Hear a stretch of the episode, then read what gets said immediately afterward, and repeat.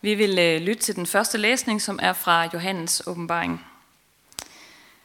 Derefter så jeg fire engle stå ved de fire verdenshjørner og holde jordens fire vinde tilbage, for at ingen vind skulle blæse på jorden eller over havet eller mod noget træ.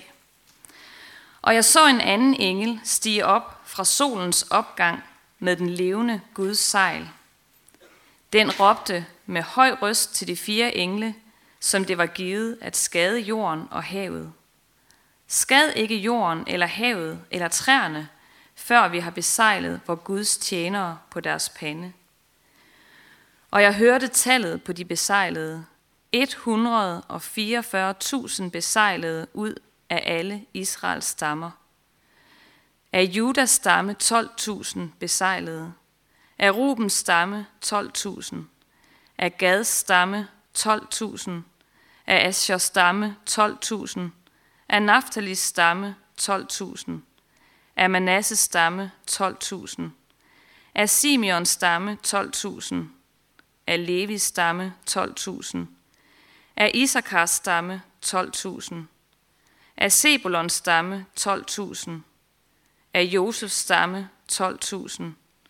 Af Benjamins stamme 12.000 besejlede. Derefter så jeg, og se, der var en stor skare, som ingen kunne tælle, af alle folkeslag og stammer, folk og tungemål. De stod foran tronen og foran lammet, klædt i hvide klæder og med palmegrene i hænderne. De råbte med høj røst, frelsen kommer fra vor Gud, som sidder på tronen og fra, og fra lammet. Og alle englene stod i kreds om tronen, og de ældste og de fire levende væsner, og de faldt ned på deres ansigt for tronen og tilbad Gud og sagde, Amen, pris og lov og visdom og tak og ære og magt og styrke er vor Guds i evighedernes evigheder. Amen. Og den her aftens anden læsning er fra begyndelsen af bjergprædikenen Matteus evangelie kapitel 5. Da Jesus så skarne, gik han op på bjerget og satte sig, og hans disciple kom hen til ham. Så tog han til ord og lærte dem, salige er de fattige i ånden, for himmeriget er deres.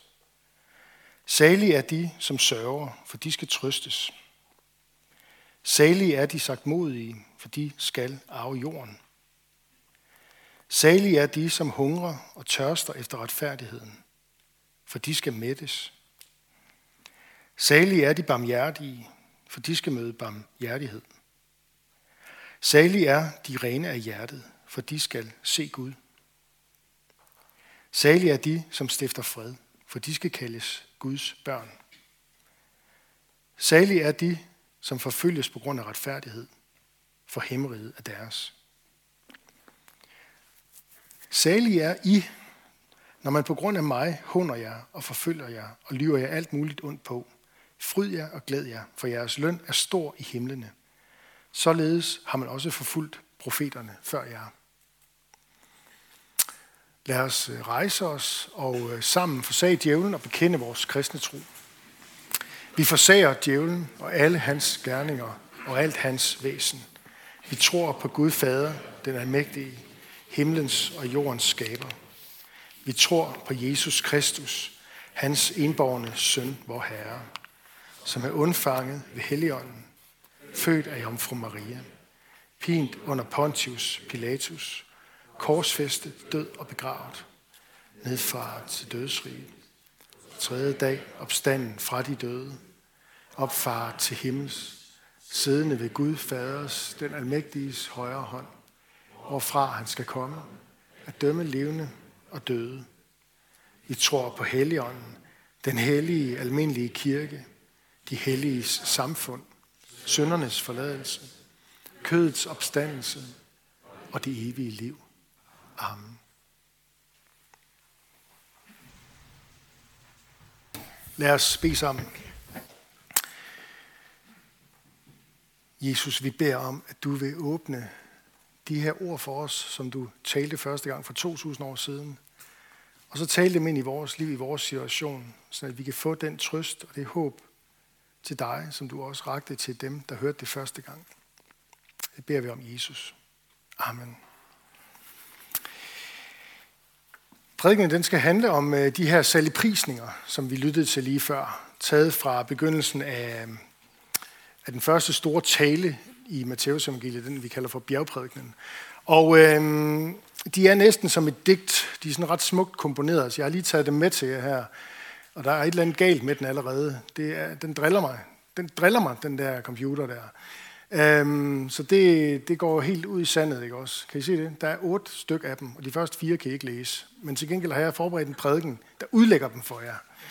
Øhm, de her otte saligprisninger, de ligner hinanden i stil, og hvis nu det første var lige så Øh, stort i øh, formatet som det andet, så kunne I se, hvordan det, sådan, det står som sådan et smukt, stramt, komponeret digt nærmest, de her otte saligprisninger. Øhm, og man kan sige, at det er otte forskellige vinkler på den samme sag, nemlig Guds løfte, Guds trøst, Guds omsorg til sin kirke. Dem, som Jesus taler til her, det er jo hans disciple. Der står, at han ser skarne, og så går han op på bjerget og sætter sig, og så kommer hans disciple hen til ham. Så det vi har her i, øh, i øh, bjergprædikningen, som er Matteus evangeliet kapitel 5, 6 og 7, det er undervisning til kristne, til kirken, til menigheden. Det er ikke først og fremmest en måde, hvorpå vi øh, skal regne med, at øh, vores regering begynder at indrette samfundet. De er da velkommen. Men hvis først de begynder på det, så skal man også være lidt på vagt. Der er nogen, der har prøvet det i tidens løb og vil øh, lave sådan et jordisk tusindårsrige, inden Jesus kommer, og det går som regel rigtig, rigtig skidt for sig. Men øhm, her der er det altså talt til menigheden. Det er talt til dem, der har taget imod Jesus. Han siger, at de er salige, og han siger, at himmeriget er deres. I øh, den første øh, af salgprisningen, der får vi at vide, at øh, salige er de fattige i ånden, for himmeriget er deres. Og det her himmeriget er deres, det går så igen i den sidste salgprisning, i den 8. og den kan I bedre se. Der står, salige er de, som forfølges på grund af retfærdighed, for himmeriget er deres. At det bliver simpelthen konstateret som en reel, nutidig virkelighed. At sådan er det. De fattige ånden, altså dem, som ved med sig selv, at de har brug for Guds hjælp. De har brug for Gud. Det betyder selvfølgelig ikke, sådan som nogen gang mellem joker, dem, der er småt begavet, eller sådan noget, eller lidt enfoldig, eller sådan. Øh, det er ikke det, det betyder. Øh, nej, det betyder, at de, som er fattige i ånden, det er dem, som ved, at de mangler noget. De kan ikke i sig selv nå frelsen. De har brug for Gud og alt det, han er og har. I sig selv er de uværdige, mislykkede, fejlende, syndige. Og så beder de Gud om at tage imod dem i al deres åndelige svaghed. Det er de fattige i ånden. Guds rige er deres, siger Jesus. Himmeriget, Guds rige. Det kan godt være, at jeg kommer til at veksle lidt sådan frem og tilbage. Det er det samme udtryk. Guds rige er deres. Og det samme siger han så i den 8. salgprisning. Der nævner han dem, som forfølges på grund af retfærdighed. Og så siger han det samme. Guds rige er deres. Altså de kristne, som på grund af deres tro på Jesus forfølges. De skal vide, at himmeriget er deres. At vi ved, det er det, han taler om i den 8. Det er fordi, han, ud, han sådan lige sætter ekstra trumf på i det, som nogen har kaldt for den 9 særlig prisning. Men den er lidt anderledes, fordi de første 8, der taler han om, salige er de. Men så i den sidste, så siger han, salige er I. Det er ligesom om, at i de otte salgprisninger, som ligner hinanden som sådan et smukt, stramt, komponeret digt, sådan, sådan at, så bliver det ligesom sat op og leveret til os, fra Matthæus i hvert fald, der er det menigheden bredt, han taler om. Guds menighed, det er ikke en masse forskellige grupperinger, men det er Guds menighed, som består af mennesker, for hvem det her gælder. Og så siger han så til sin, konkret til dem, der sidder og lytter til ham der, salig er I, når man på grund af mig håner jer og forfølger jer. Det må være det, der ligger i, at man forfølges på grund af retfærdighed. Øhm, så han, han, han giver så at sige sine disciple den her trøst, at det er der ikke noget nyt i. Sådan gjorde man også med profeterne før jer. Men jer, der tilhører mig, I skal ikke regne med, at det går jer hverken værre eller bedre, end det har gået dem øh, før i tiden, som fulgte Guds kald, som levede i tillid til Gud. Det er sådan ligesom rammen omkring det. Det er altså det her med, at der er nogen, der får at vide, himmeriget er deres. Det får vi vide i den første og i den ottende. Men så i alle de andre, og det har slået mig gang på gang, når jeg læser det, i selvprisning nummer 2 til 7, altså hovedparten af dem, der er der en enorm stærk understregning af den kommende verden. Fordi der skifter Jesus fra at tale i det, man på dansk øh, kalder for præsens nutid, og så siger han, han taler stadigvæk delvist i nutid, han siger, salig er de, som hungrer og tørster i retfærdighed, eller stifter fred, osv. osv. Men alle salgprisningerne ender så med, at han siger noget om, hvad de har i vente. Lad os prøve at se på dem en for en. Salige er de, som sørger, for de skal trøstes. Kan I høre det? Lige pludselig skifter han over i det, der hedder futurum, fremtid.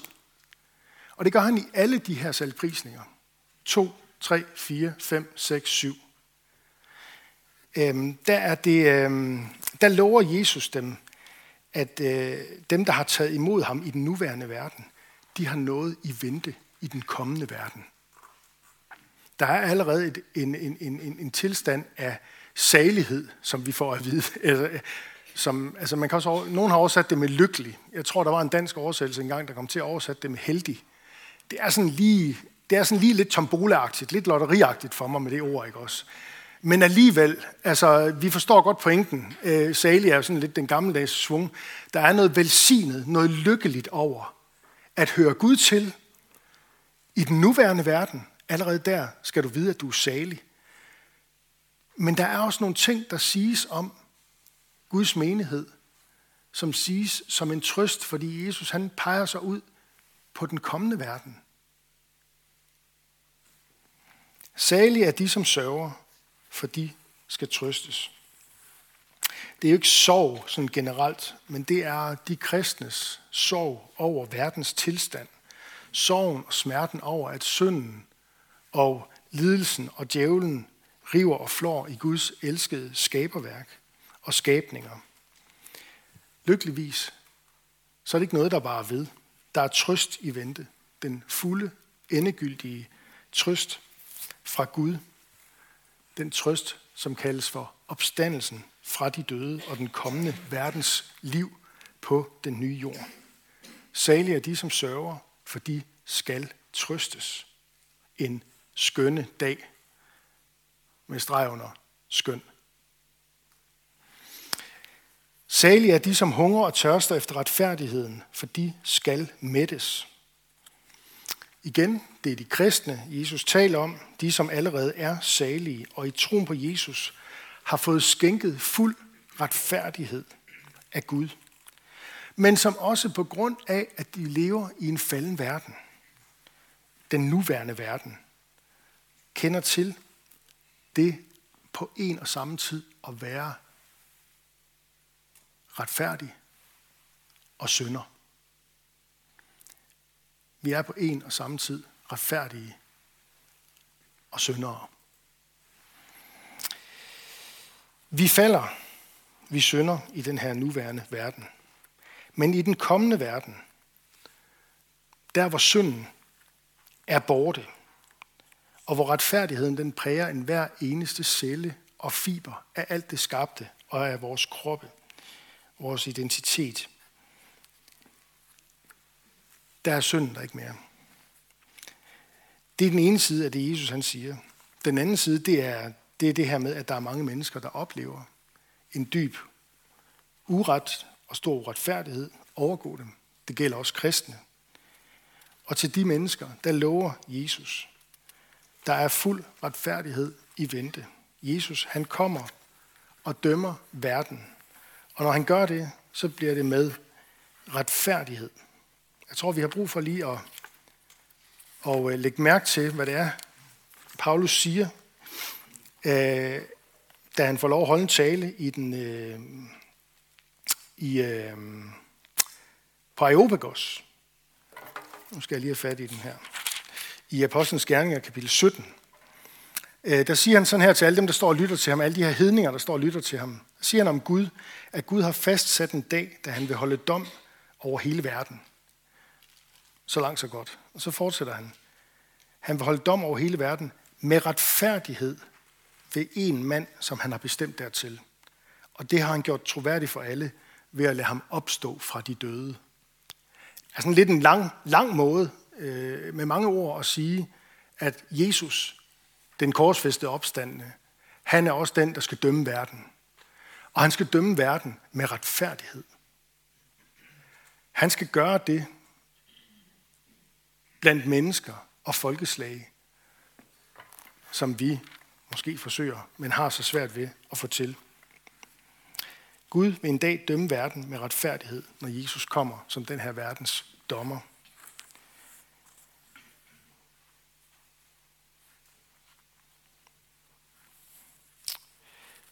Salige er de barmhjertige, for de skal møde barmhjertighed. Det er en trøst og et løfte til de mennesker, som har mødt Guds barmhjertighed i den her nuværende verden, og derfor har vist andre mennesker barmhjertighed. Sådan som øh, apostlen Johannes siger i et af sine breve, vi elsker, fordi han elsker os først. Det er altid Gud, der kommer først. Det må vi finde os i. Men det er også godt, at han kommer først. For det giver os noget at pejle efter. Gud, der viser os sin barmhjertighed i den nuværende verden, og derfor stiller os i stand til at vise andre mennesker barmhjertighed. De mennesker, der kender til det, de skal også møde Guds barmhjertighed i den kommende verden. De skal møde barmhjertighed, siger Jesus. Salige er de rene af hjertet, for de skal se Gud. Renhjertethed, det er en øh, Guds gave. Kun Gud kan forvandle hjertet i et menneske. Dåb og tro skal der til. Og til de med rene hjerter, der siger Jesus, I har levet i tro på mig i den nuværende verden, men i den kommende verden, der skal I ikke bare leve sådan i tro, der skal I få lov at se. Salige er de rene af hjertet, for de skal se Gud. Johannes, apostlen, han siger det på den her måde i sit første brev. Nu skal vi lige have fat i det her. Øh, I kapitel 3 i det første brev. Vi ved, Øh, i 1. Johannes brev, kapitel 3, vers 3, vi ved, at når han, altså Jesus, når Jesus åbenbares, skal vi blive ligesom han, for vi skal se ham, som han er. Og så fortsætter han øh, med at sige noget om renhed, som passer rigtig godt til det, Jesus siger her i salgprisningen. Han fortsætter med at sige, en hver, som har dette håb til ham, renser sig selv, ligesom han er ren. Eller med Jesu ord, salige er de rene af hjertet, for de skal se Gud. Det er muligt allerede nu på den her gamle, faldende, syndige jord, fuld af uretfærdighed og mørke og krig. Det er muligt at få et rent hjerte. Det, det, det er det Gud, han er allerbedst til. Det er det Gud vil og kan. Det er ligesom hans métier. Det er hans business at give mennesker rene hjerter. Og det er ikke kun noget, der ligger ude i fremtiden. Det er noget, vi kan få lov til at tage imod allerede nu. Renhjertethed, det er en gave fra Gud.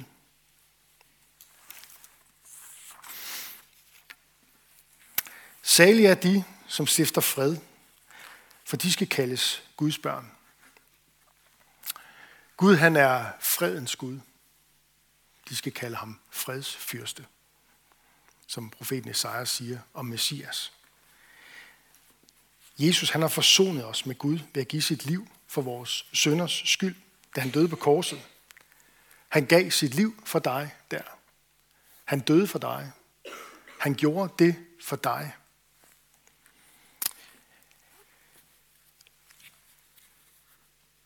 Men vi lever i en verden, hvor der er ufred, had og uforsonlighed. Ikke bare på de sociale medier. det er der også der, ikke også? Men øh, også af den rigtig grimme slags og blodige slags. Pas på med ikke at blive opslugt af det. Bed i stedet for om at gå fredens vej. Jesus kalder os til det. At gå fredens vej, søge forsoningen, aflægge hadet. Husk på, at Gud har stiftet fred med dig.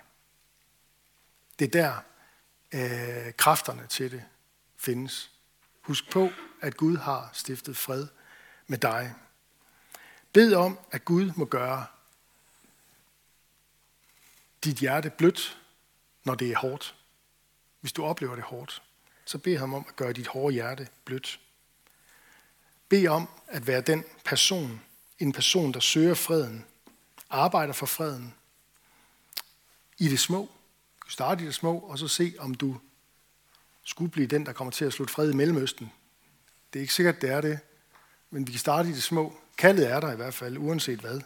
På arbejdspladsen, familien, hvis du kommer op og skændes med, og så videre, og så videre. Ikke? På den yderste dag, der skal det blive tydeligt, at det var den rigtige vej at gå, fredens vej. Gud er fredens Gud, fredens fyrste. Og på den yderste dag, når den kommende verden kommer, så skal de, som tog imod Kristus og levede med hans fred i hjertet, og som søgte at leve og dele ud, leve efter og med den fred og dele ud af den fred, de skal kaldes for Guds børn. Salige er de, som stifter fred, for de skal kaldes Guds børn.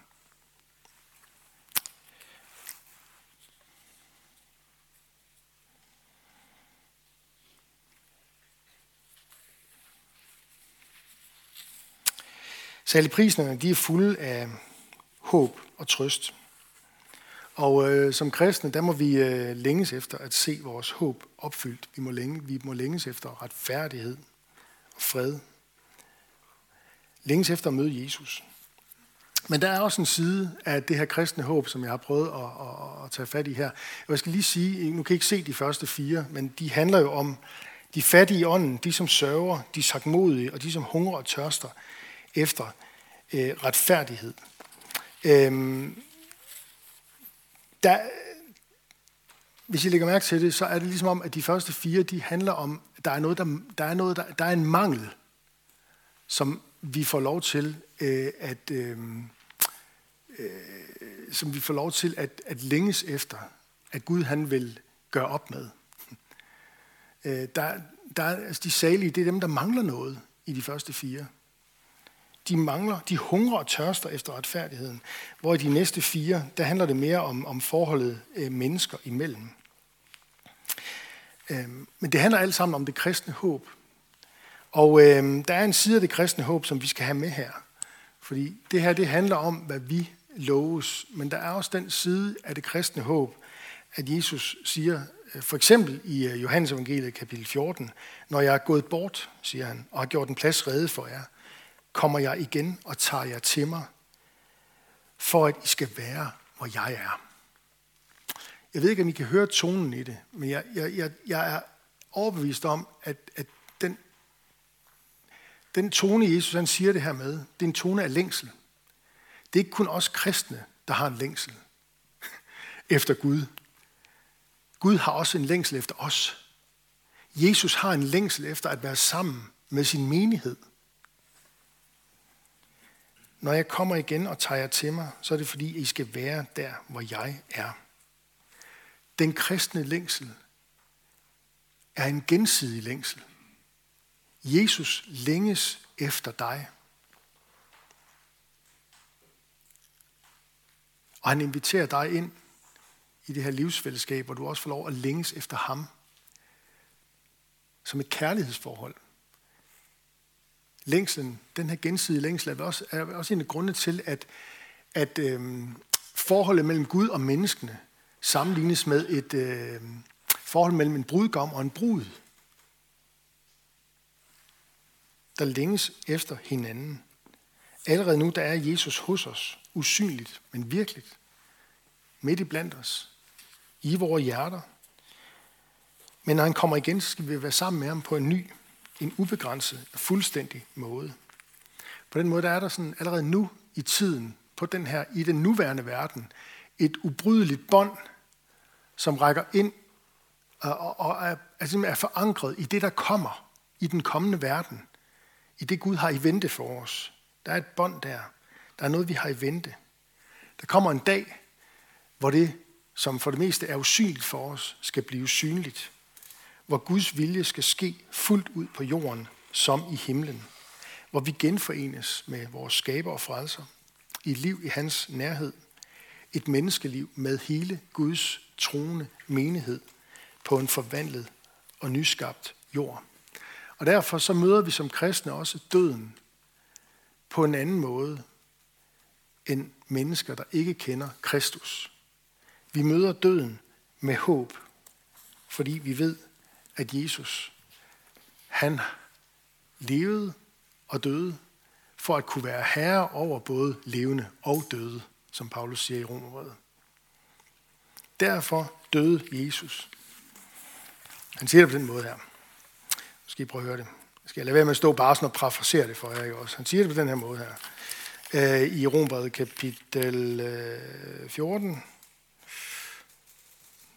Øh, vers 11.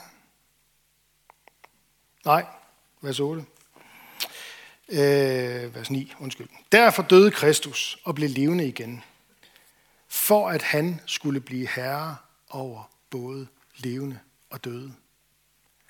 Jesus, han forbinder de levende og de døde, og han forbinder fortiden og nutiden og fremtiden. Salige er de, som sørger, for de skal trøstes. Lad os bede sammen.